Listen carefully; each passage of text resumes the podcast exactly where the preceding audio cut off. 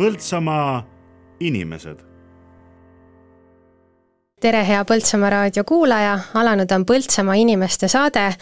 ja mina olen saatejuht Eeva Nõmme. olen täna siia stuudiosse omale külaliseks palunud ettevõtja, mõnele inimesele tuntud ka aegadest, kui oli veel poliitika elus sees, aga pikaaegne põltsamaalane Anti Orav, tere Anti! tere!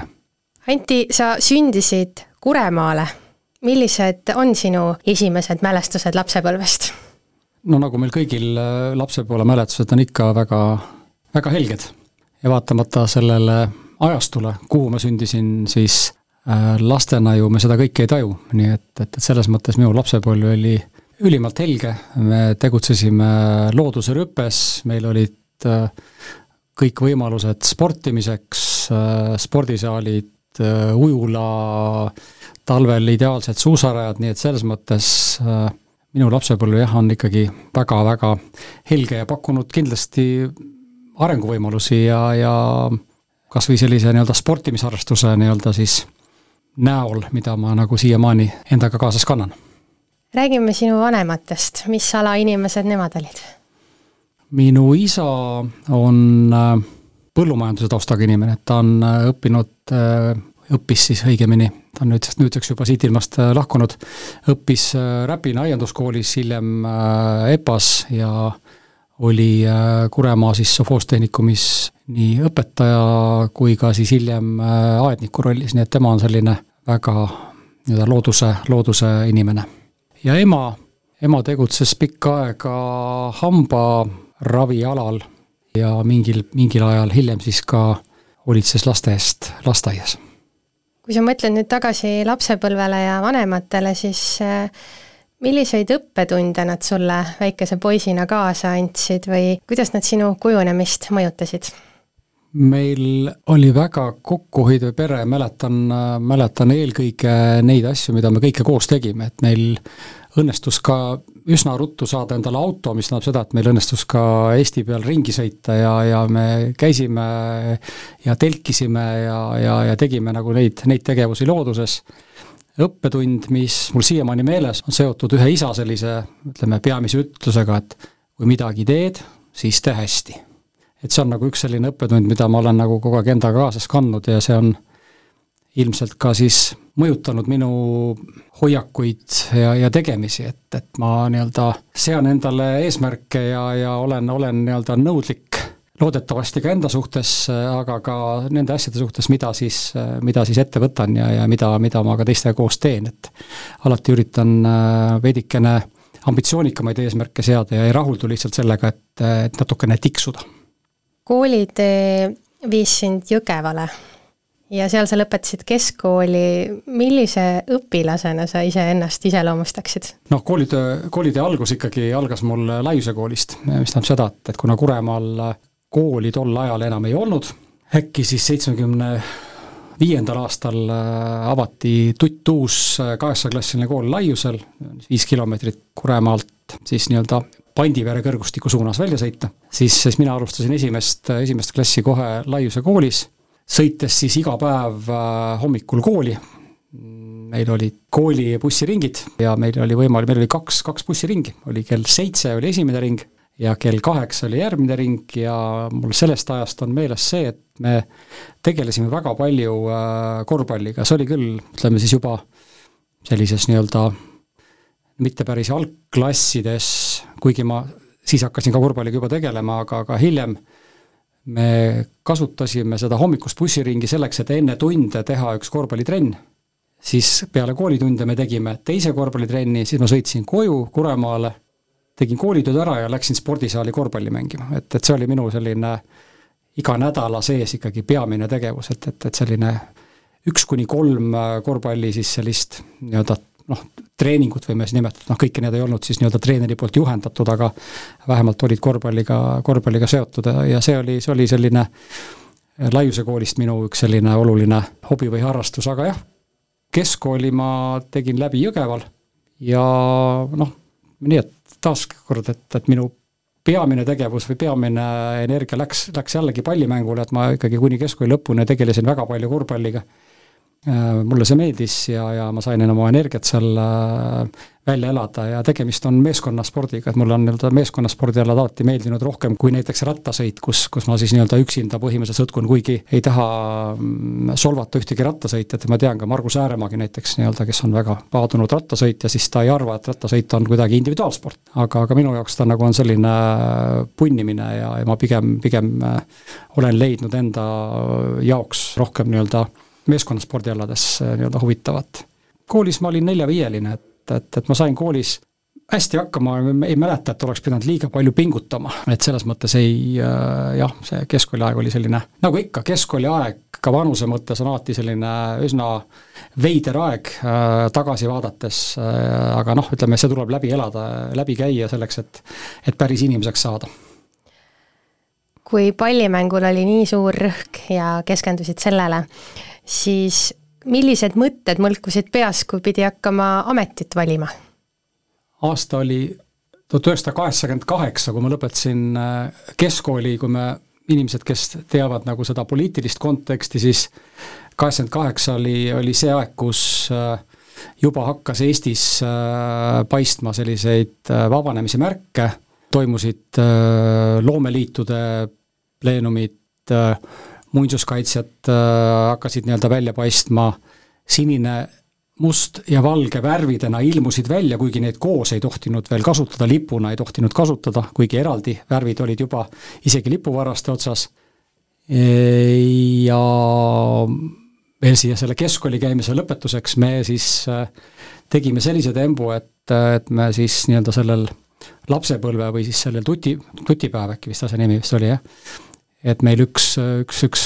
klassivend oli hankinud endale sinimustvalge lipu ja me siis jooksime selle lipuga nii-öelda siis lippriivi ees, äh, jooksime linna peal ringi ja, ja siis tollal siis korravalvurid, tollaselt siis veel miilitsad, miilitsa auto sõitis meil järel ja, ja see lõpuks see lipp meilt võeti käest ära.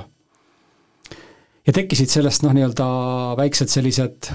potentsiaalsed pahandused, arvati, et me isegi kooli ei pruugi lõpetada aga kõik läks õnneks, kuna aeg pöördus ja juba ka nii-öelda need otsustajad nägid, et noh, kõik on juba nii piiri peal, et nagu, et ei ole mõtet noorte elu ära rikkuda selle asja pärast. nii et, et see on nagu see kontekst, kus me, kus me lõpetasime kooli. ja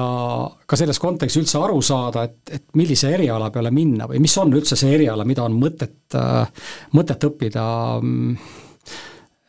lisaks siis see, et, et, et selles vanuses, et kui palju me ikkagi päriselt teame, mis on see meie tõeline kutsumus.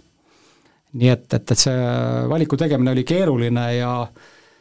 ja aga, aga jah, siis mul kuidagi juhtus, juhtus niimoodi, et ma sattusin äh, Põllumajandusakadeemia metsanduse eriala sisseastumiseksamitele. tagantjärgi vaadates ütleme niimoodi, et väga õige valik, et, et metsandus noh, täna suur äh, tööstusharu, äh, väga heal järjel, eksportiv ja nii edasi, nii et see valik oli selles mõttes õige. aga väike klausel, ma ei saanud sinna sisse. see on nagu tore lugu, et, äh, et ma, et ma ei saanud sinna sisse, sest et ma kukkusin läbi kohe oma esimese eksamiga. ja ma läksin armeesse kaheks aastaks. selle toreda või noh, toreda, selle, selle, selle juhtumi äh, juures on üks tore lugu, et aastaid hiljem oli Jõgeva keskkooli kokkutulek. no ikka, rahvas on koos, suurtes telkides, ka nagu siin, eks ju, augustikuus Põltsamaal kohe saab olema, kõik tulevad kokku, kõik on natukene ülevas meeleolus, räägivad oma lugusid, kohtuvad ja ja mingisugusel suhteliselt hilisel tunnil ma käisin äh, koolis, koolimajas vetsus ja tulin sealt välja ja näen, et terve hulk õpetajaid on seal hunnikus koos. mõned ka need, kelle, kes minu ajal olid õpetajad ka matemaatikaõpetaja. see, millest ma läbi põrusin. tulen mööda nendest, tervitan neid, et oi, tere õpetajad, nagu ikka. ja siis seesama matemaatikaõpetaja ütles, et, et Orav, mul on väga kahju. see on niimoodi, et ma ei saanud nagu aru, et mis asja see, noh, et mis asi see nagu on, mis kahju või midagi. siis ta ütles niimoodi, et mul on kahju, et ma teid kooli ajal hindasin veidikene lihtsamini. lasin nagu kergemini läbi matemaatikas et ma, mul oli selline tunne, et mul on, matemaatika on kõik okei okay,, et mul ei ole vaja üldse mingisugust ettevalmistust teha, ma võin minna rahulikult kooli. et see on nagu selles mõttes nagu tore lugu, noh, loomulikult ma kuna sellest kõigest oli nii palju aega möödas, siis minu jaoks on lihtsalt see õppetund ja mida ma olen ka rääkinud oma abikaasale, kes koolis on ja, ja ka teistele, kui me kooliga suhtleme, olen ka kooli hoolekogus, et ikkagi see, et et nii-öelda õige tagasiside noortele kujunemise eas on äärmiselt, äärm-, äärmiselt tähtis selleks, et me ei annaks neile valesid signaale või ei tekitaks mingisuguseid valearusaami, eks mida me teame, juhtub, eks, et me ikkagi ka lapsi kasvatades vahel noh, tahame olla võib-olla noh, nii-öelda selles mõttes kuidas see on, see on see, see rikkuv empaatia tegelikult, eks, et me nii-öelda oleme liiga empaatilised nende suunas, selle asemel, et anda nagu kuidagi äh, see adekvaatne, see minapilt või adekvaatne reaalsustaju, et, et kujunemise jaoks see on palju tähtsam kui siis see, et ma noh, kas hoian suhteid või midagi. nii et see on tore lugu ja, ja ma käisin kaks aastat armees, olin Saksamaal ja olin sel ajal seal, kui, kui nii-öelda müür langes ja, ja Saksamaad li-, kokku pandi ja nii, et, et ma olen nagu olnud nagu ajalooliste sündmuste äh, sees ja, ja olen pidanud seda, kuigi see kaks aastat on pikk aeg, aga olen pidanud seda alati selliseks ikkagi väga-väga oluliseks elukooliks enda jaoks. kui armee aeg sai läbi, siis Teet tõid tagasi kodumaale ja aasta oli siis midagi tuhat üheksasada üheksakümmend midagi, kui sa läksid Tartu Ülikooli õppima ärirahandust ja turundust. kui eh, oluline on sinu arvates kõrgharidus? Haridus äh, on oma olemuselt juba, juba, juba, juba üli, ülioluline, nii et, et selles mõttes on meil peres kõik kogu aeg olnud hariduse tähtsustamine kõrgel, samuti ka minu jaoks. aga jah, ma saabusin armeest tagasi üheksakümnenda aasta lõpus äh, ja üheksakümne esimese aasta siis septembrikuust alustasin äh, õpinguid, nii et jällegi üheksakümmend üks, üheksakümne esimese aasta augustis olid kõik need sündmused, putš, Eesti vabaks saamised ja nii edasi, nii et, et, et sel ajal ma olin siin ja alustasin õpinguid just nimelt, nagu sa ütlesid, siis äh, ärirahanduse ja, ja siis turunduse nii-öelda erialadel, eks. Meil oli kaks eriala saime valida ja kuigi noh, ütleme, et turundus on minul kujunenud ikkagi minu selliseks võib-olla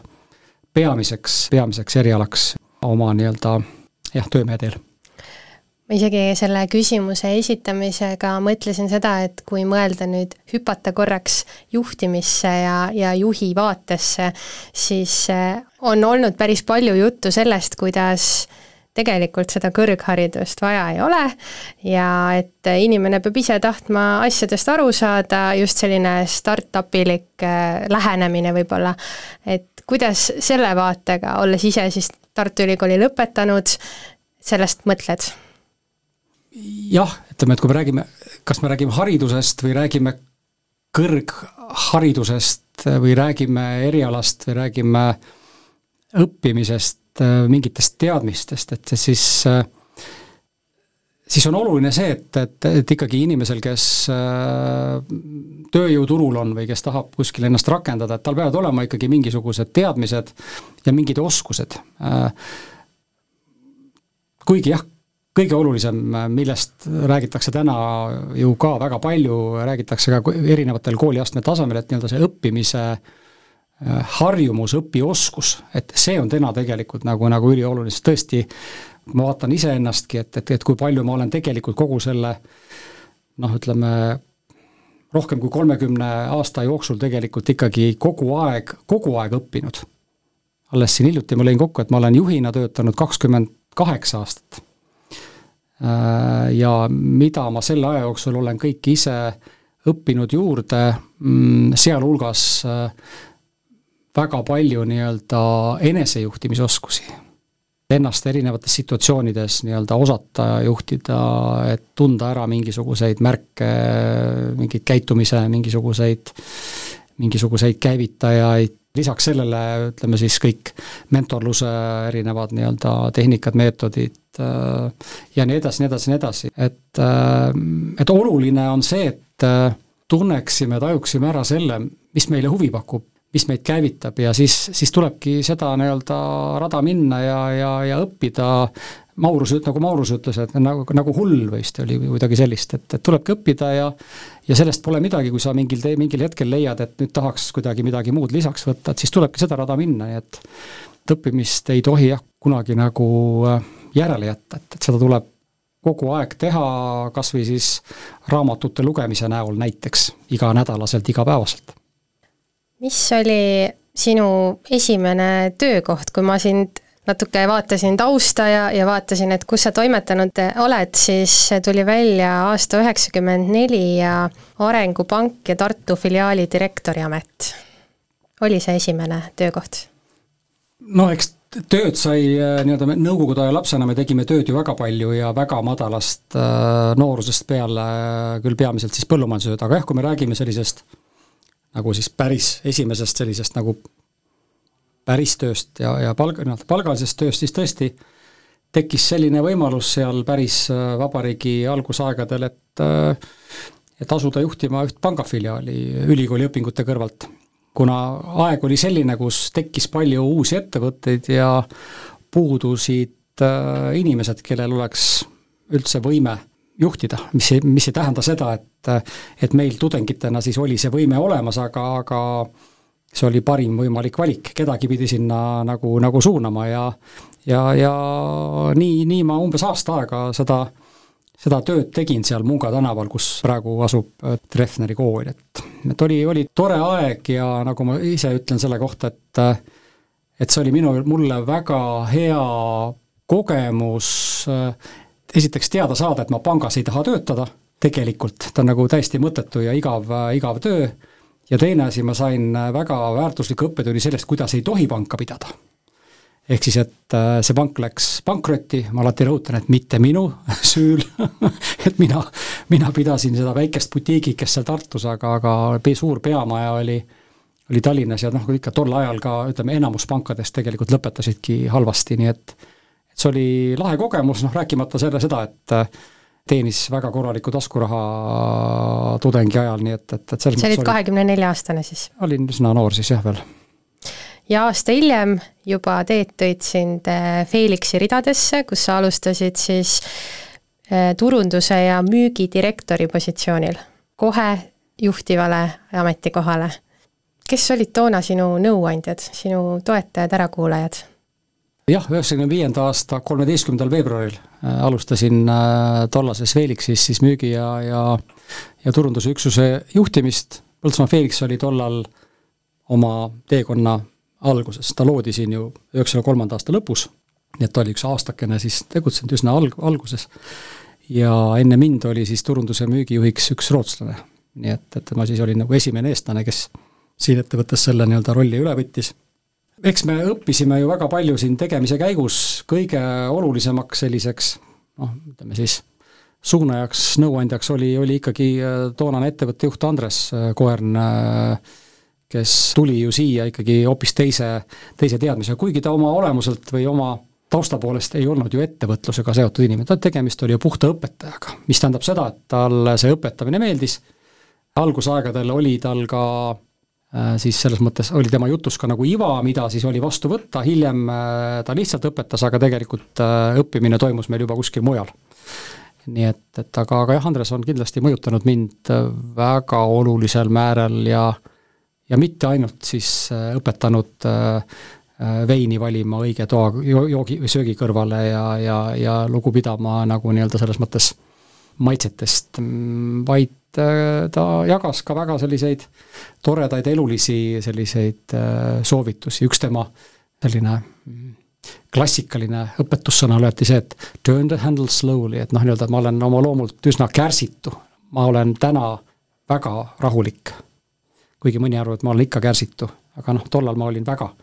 väga kärsitu, ma tahtsin, et asjad liiguksid kiiremini ja et me noh, kuna selles mõttes oli, oli tekkinud ju maailm oli lahti ja meil olid kõik võimalused ja see, et kuulge, miks me siis ei hakka nüüd tegema ja miks me ei tee kiiremini, et tahaks nagu kõike kiiremini teha ja saavutada. ja noh, tegelikult oleks, võimalused olid ka ju olemas, eks. aga Andres siis tulnud, olles siis tulnud sellisest rahulikust, stabiilsest Rootsi riigist, siis ikkagi, et võtame rahulikult ja ja, ja et ära, et ära nüüd rapsi ja võtame rahulikult, et see, see oli, see oli tema selline üks nagu, nagu õpetussõna, mida ta kogu aeg jagas, aga mida ma kunagi nagu päriselt äh, ei ole järginud me kuulame siia vahepeale nüüd ühe muusikapala ja siis juba läheme juttudega edasi, räägime siis juba karjäärist ja kõigest sellest, kuidas teekond kulges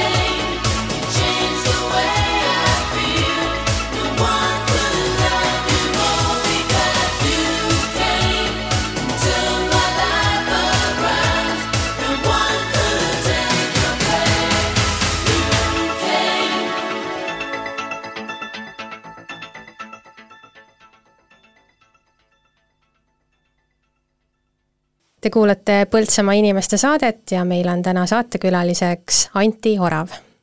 Anti, me rääkisime saate esimeses pooles lapsepõlvest ja jõudsime jutujärjega Põltsamaa Felixi töö alguseni. Felix, Orkla, Kalev, need kokku moodustasid päris pika perioodi sinu karjääris kuidas sa ise tagasi vaatad, olles siis erinevate teemade juhtimises kaasa löönud, milline juht sa olid? Jah, selles süsteemis kokku ma töötasin umbes kaheksateist aastat. alustasin üheksakümne viienda aasta alguses ja see oli ka aeg, kui ma Põltsamaale tulin või siis nii-öelda minu põltsamaalase aeg äh, sellest ajast äh, alguse sai. see aeg oli väga põnev, äh, pakkus väga palju kogemise ja õppimise võimalust, ehk siis et, et tegelikult ma arvan, et et sea, selle perioodi jooksul ma suuresti kujunesin selliseks juhiks, nagu ma täna olen. kogemuste kaudu, et me saime tõesti nagu palju teha, ise katsetada, eksida, uuesti teha, mm, mul oli kõrval Andres, Andres Koern, kes õpetajana siis tegelikult ka päris palju ikkagi juhendas just nii-öelda selles mõttes, kuidas kuidas nii-öelda juhina käituda ja kuidas organisatsioonis nagu toimetada ja, ja nii edasi. lisaks Orklas süsteem tollal, ma ei tea, kuidas ta täna on, tähtsustas väga palju äh, oma inimeste, aga, aga eelkõige juhtide arengut, neil oli oma juhtide arendamise keskus Norras, kus nii-öelda toodi tõesti Euroopa ja maailma tasemel psühholooge ja õpetajaid erinevatest nii-öelda juhtimise äh, arendamise nii-öelda siis sellistest äh, instituutidest ja, ja, ja, ja, ja, ja nõukodadest, nii et et, et, et see on, see tõesti pakkus nagu suurepärase arengu, arenguvõimaluse. Lisaks sellele siis praktilisele, praktilisele tegemisele siin. kui mõelda nüüd sellele, et milline juht ma olin või olen, siis eks seda peab küsima teiste käest, aga ma ise olen kogu aeg nagu teadlikult püüdnud olla toetav ja kaasav juht mis ei tähenda seda, et ma vahel, vahel, vahel ikkagi ei satu kuskile nii-öelda, ma ei tea, kuidagi kuskile posti otsa äh, teistest nii-öelda kõrgemale või, või nii edasi, aga minu soov on olnud kogu aeg toetada oma tiimiliikmete tulemuslikkust, sest et äh, teades juba ainuüksi ka korvpallimängust, et et kus ma olin tavaliselt mängujuht, eks ja sageli ka kapten. ei piisa sellest, äh, kui sul on ainult hea mängujuht, sul on vaja kõiki mängijaid ja, ja täpselt sama teadmine on minuga kaasas käinud ka hiljem äh, erinevates ettevõtetes, erinevates rollides. Ja ma usun, tahaks, tahaks loota ja uskuda ka seda, et ega ma nagu väga ka ikkagi ei ebaõnnestunud selles, et ma usun, et ma suutsin paljudele oma inimestele olla toeks, ka näiteks selles osas, mis puudutab nende, nende arengut, näiteks et, et minul on üks oluline, oluline põhimõte, on, on see, et töötajad peavad organisatsioonis tegutsedes või ettevõttes tegutsedes ka omaenda isiklikke eesmärke suutma täita, et vastasel juhul äh, pole neil mõtet seal aega raisata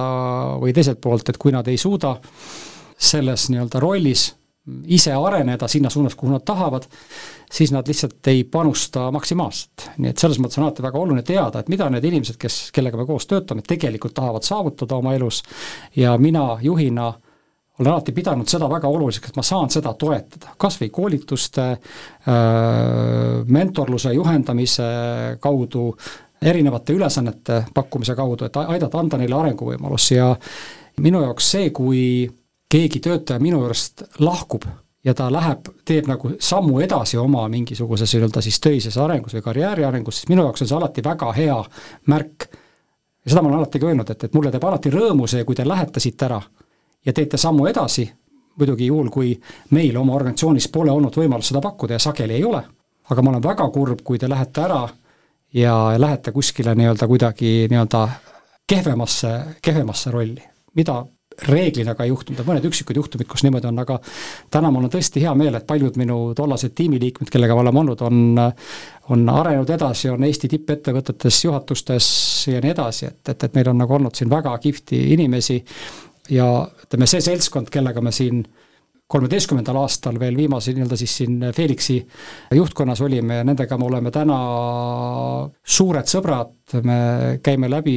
peredega ja nii, et, et see näitab seda, et me tegime kõvasti tööd, pingutasime, tegime ka tulemusi, aga me olime inimesed ja, ja, ja me suutsime seda inimlikku osa seal hästi alles hoida, mis oli ka väga iseloomulik Põltsamaa Felixi kultuurile, et me tegelikult olime nagu väga, väga inimlikud siin sees Põltsamaa Felix sai kaks tuhat kuus aastal eh, piirkonna edendaja tiitli. sina olid sellel ajal eh, ettevõtte juht. kuidas sa näed praegu eh, Felixi rolli meie piirkonna edendamisel? sa mõtled nüüd toonast Felixit või sa mõtled praegu siis tänast Orklat? ma mõtlen tänast Orklat, ma mõtlen seda, et me oleme võrdlemisi pisikene kogukond ja igasugune suur ettevõte meie piirkonnas mängib olulist rolli. nüüd on sul äh, privileeg olla kõrvaltvaataja rollis. mis sa sellest kõigest mõtled, olles ise olnud nii lähedal sellele kõigele? jah, ei, ei, ei taha siin mingisuguseid äh, selliseid tugevaid äh, seisukohti võtta, kuna ma ei tea väga ju täpselt, mida tehakse, mida mitte, aga see on päris kindel, et äh, Põltsamaa Felixi roll Põltsamaa piirkonna ja võib-olla ka regiooni mõistes aastal kaks tuhat kümme või kaks tuhat kuus oli selgelt väga palju suurem, kui Orklal on täna siin.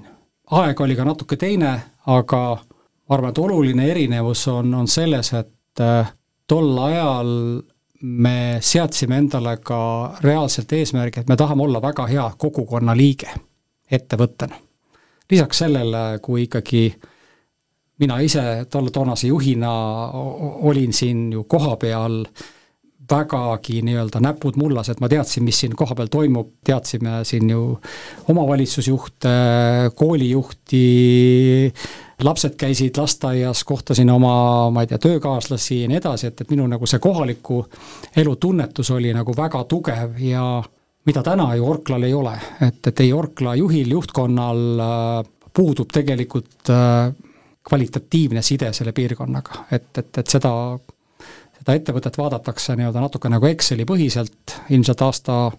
eelarve planeerimisel äh, otsustatakse ära, et me koha, kohalikku ellu paneme sinna X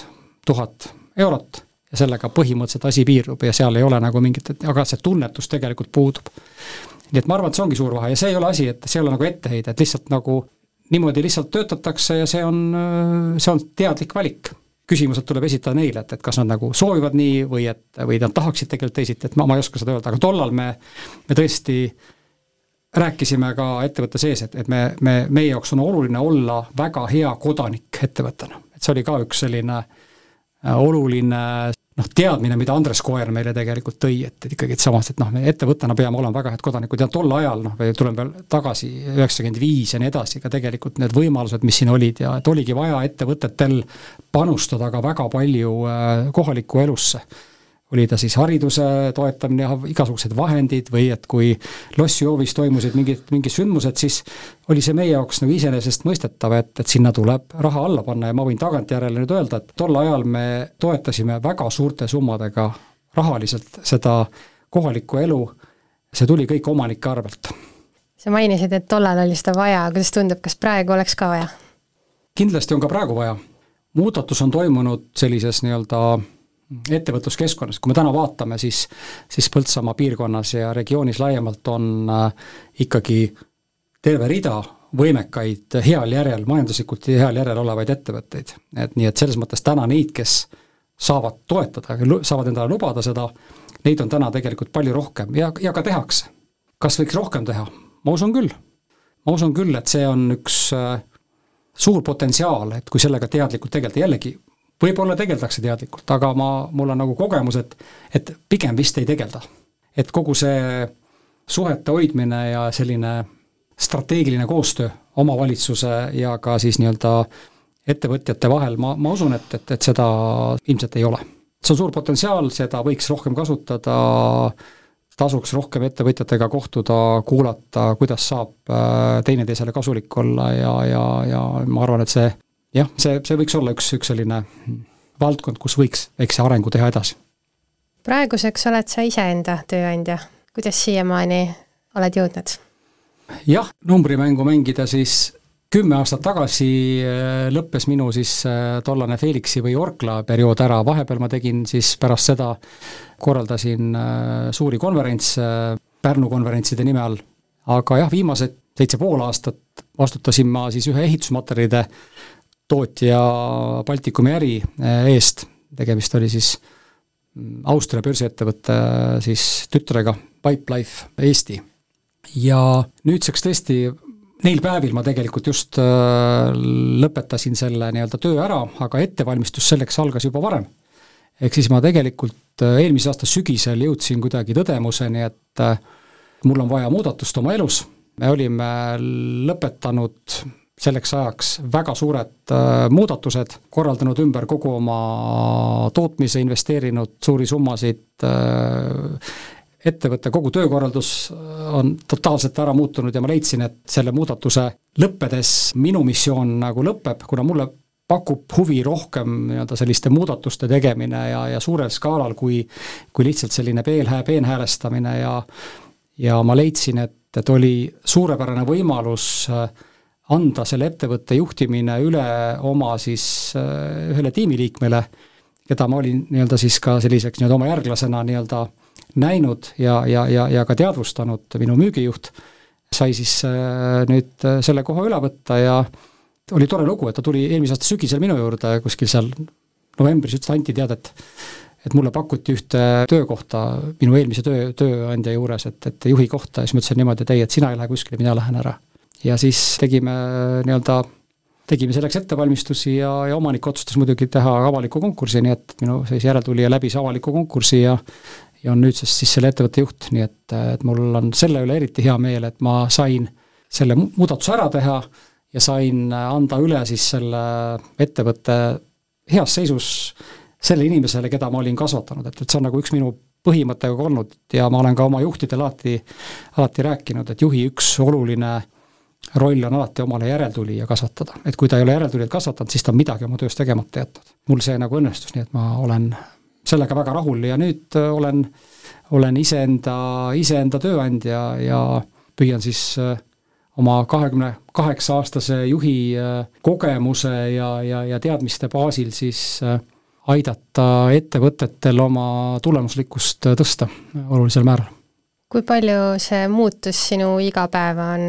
mõjutanud, kas su päevad näevad nüüd teistsugused välja? Hmm. teistsugused jaa, et, et kuigi teistmoodi, kui ma natukene arvasin. ma arvasin ja rääkisin ka kodus oma kallile abikaasale, et näed, et nüüd, nüüd läheb kuidagi rahulikumaks ja ma saan nii-öelda rohkem aega olla Põltsamaal, siis, siis vähemalt praegu see päris nii pole veel läinud, veelgi enam, et ma ilmselt viimase, ma pole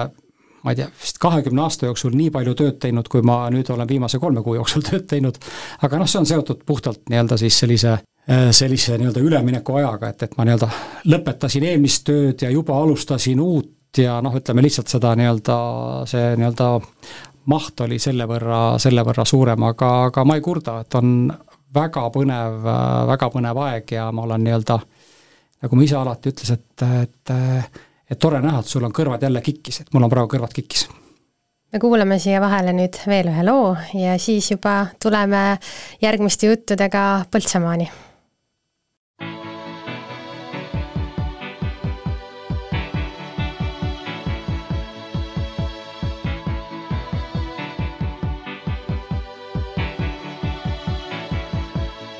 Is a balloon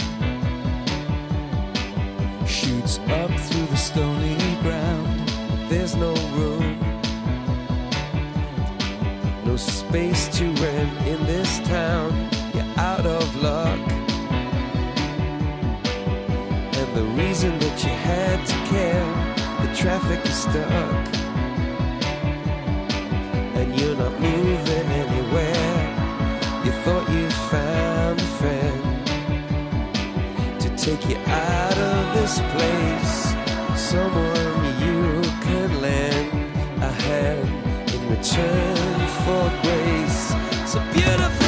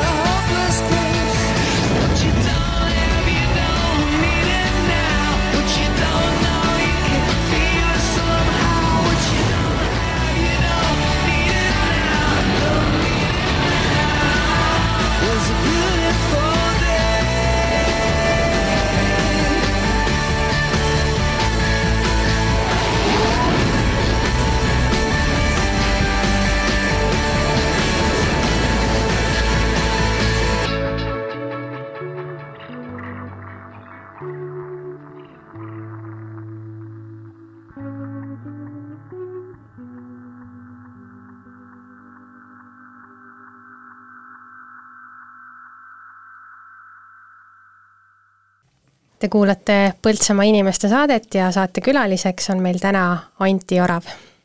Anti, me rääkisime saate esimeses pooles lapsepõlvest, siis jõudsime rääkida karjäärist ja juhtimise ametist kui sellisest, kui seda üldse ametiks saab niiviisi nimetada. sa oled öelnud, et äh, inimesed peaksid oma töösituatsiooni uuendama ja arendama selliselt, et tööd ei oleks vaja enam teha. selgita seda mõtet, kuidas sa juhina näed, et tööd siis tegema peaks? annan, tunnustan selle eest, et sa selle, selle, selle lause oled leidnud, et ma tegelikult mäletan täpselt, kust see lause on võetud. Tartus oli Tarnehala konverents ja, ja seal ma käisin laval ja seal siis ma selles jutuajamise käigus äh, ütlesin selle asja välja. kontekst oli selline, et äh, iga inimene, kes töötab, peab mõtlema ka nii-öelda selle arengule ja parendusele selliselt, et et ta oma töö justkui nii-öelda ära automatiseeriks, et tal ei oleks vaja seda teha. aga, aga see on Äripäev, Äripäevale iseloomulikult äh, nad võtsid selle mõnusalt välja ja kui ma nägin seda järgmisel päeval nii-öelda lehes, siis ma tegelikult võtsin nendega ühendust, nad natukene muutsid seda, et enne ta oli natukene veel kohmakam see asi ja seal väga paljud on öelnud, kuule Anti, mis, mis lolli juttu sa ajad, eks, aga, aga asja, asja mõte nagu on see, et kutsuda inimesi üles mitte kinni hoidma oma tööst sellise, nagu ta on, vaid mõtlema, mismoodi saaks seda tööd teha nii, et ma ei peaks seda tööd tegema, eks. ja kui sa suudad seda niimoodi teha, siis sa oled tegelikult loov. sa oled väga väärtuslik sellele organisatsiooni jaoks ja sa saad teha hoopis midagi muud ja palju väärtuslikumat, nii et seeläbi sa saad ise mõjutada oma töösituatsiooni ja ka heaolu. Et see on nagu nii-öelda selline, see mõte, mis seal taga on, et lihtsalt kutsuda kõiki üles mõtlema selle peale, kuidas ma saa-, kuidas minu tööd nagu saaks üldse nagu tegemata jätta või, või saaks seda kuidagi teistmoodi teha, nii et mina ei peaks seda tegema. nii et, et see, see on, aga see on nagu, paljude jaoks on see nagu olnud väga liiga, nagu öeldakse, too deep aga ma jään, endiselt olen, olen, olen selle juures, et, et, et täna väga paljud inimesed teevad tööd, mida tegelikult ei peaks tegema, mida saaks automatiseerida, ai on tulnud, eks ju, väga palju, mis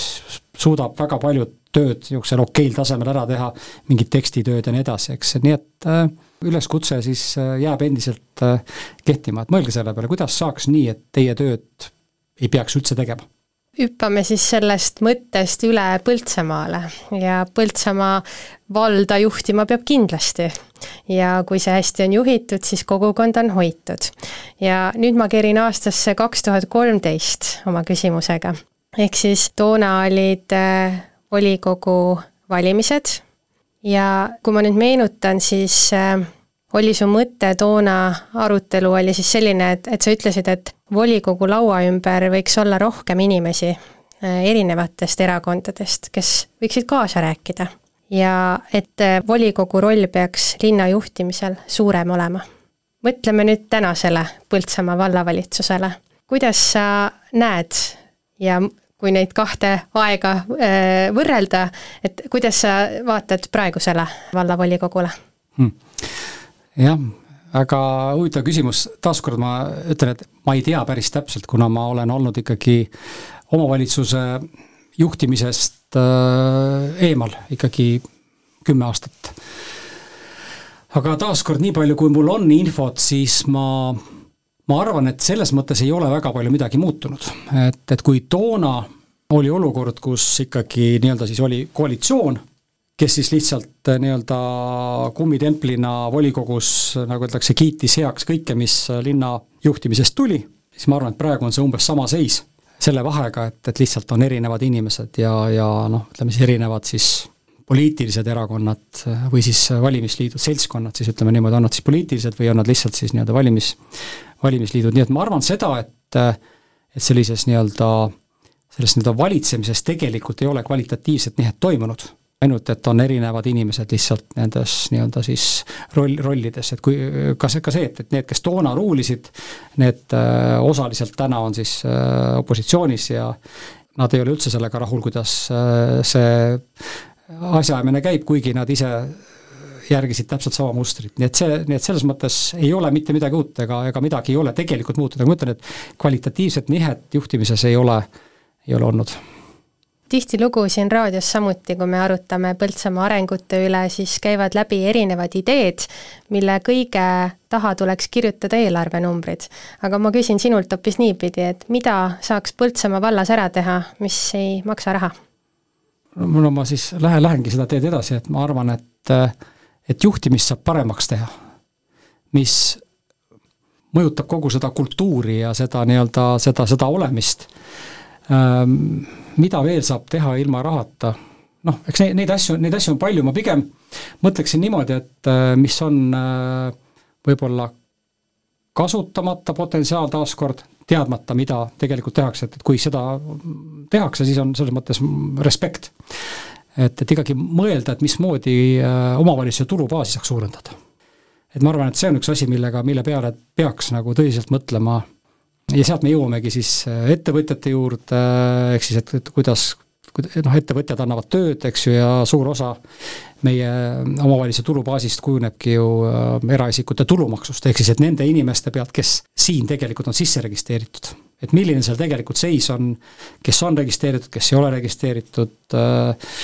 ja nii edasi, nii edasi, nii edasi, nii et ma arvan, et see on üks, üks asi, mida mida võiks teha ja mis ei nõua raha, ehk siis et tegelemine tulubaasi suurendamisega nii-öelda vähemalt sellise planeerimise tasemel ei nõua üldse raha. aga tulem võiks olla päris hea me oleme jõudnud nüüd tänases saates rääkida juhtimisest, karjäärist, sinu elust ja on selline klišeelik lause, et iga suure juhi taga on ka toetav abikaasa või toetav pere. kuidas sina oma abikaasaga kohtusid? see on väga proosaline, et tegelikult me kohtusime Marisega ülikooli õpingute päris alguses. Korraldasime ühte tudengite üritust ja, ja seal me kuidagi kohtusime ja, ja tutvusime ja, ja mingil hetkel siis me leidsime, et et me kuidagi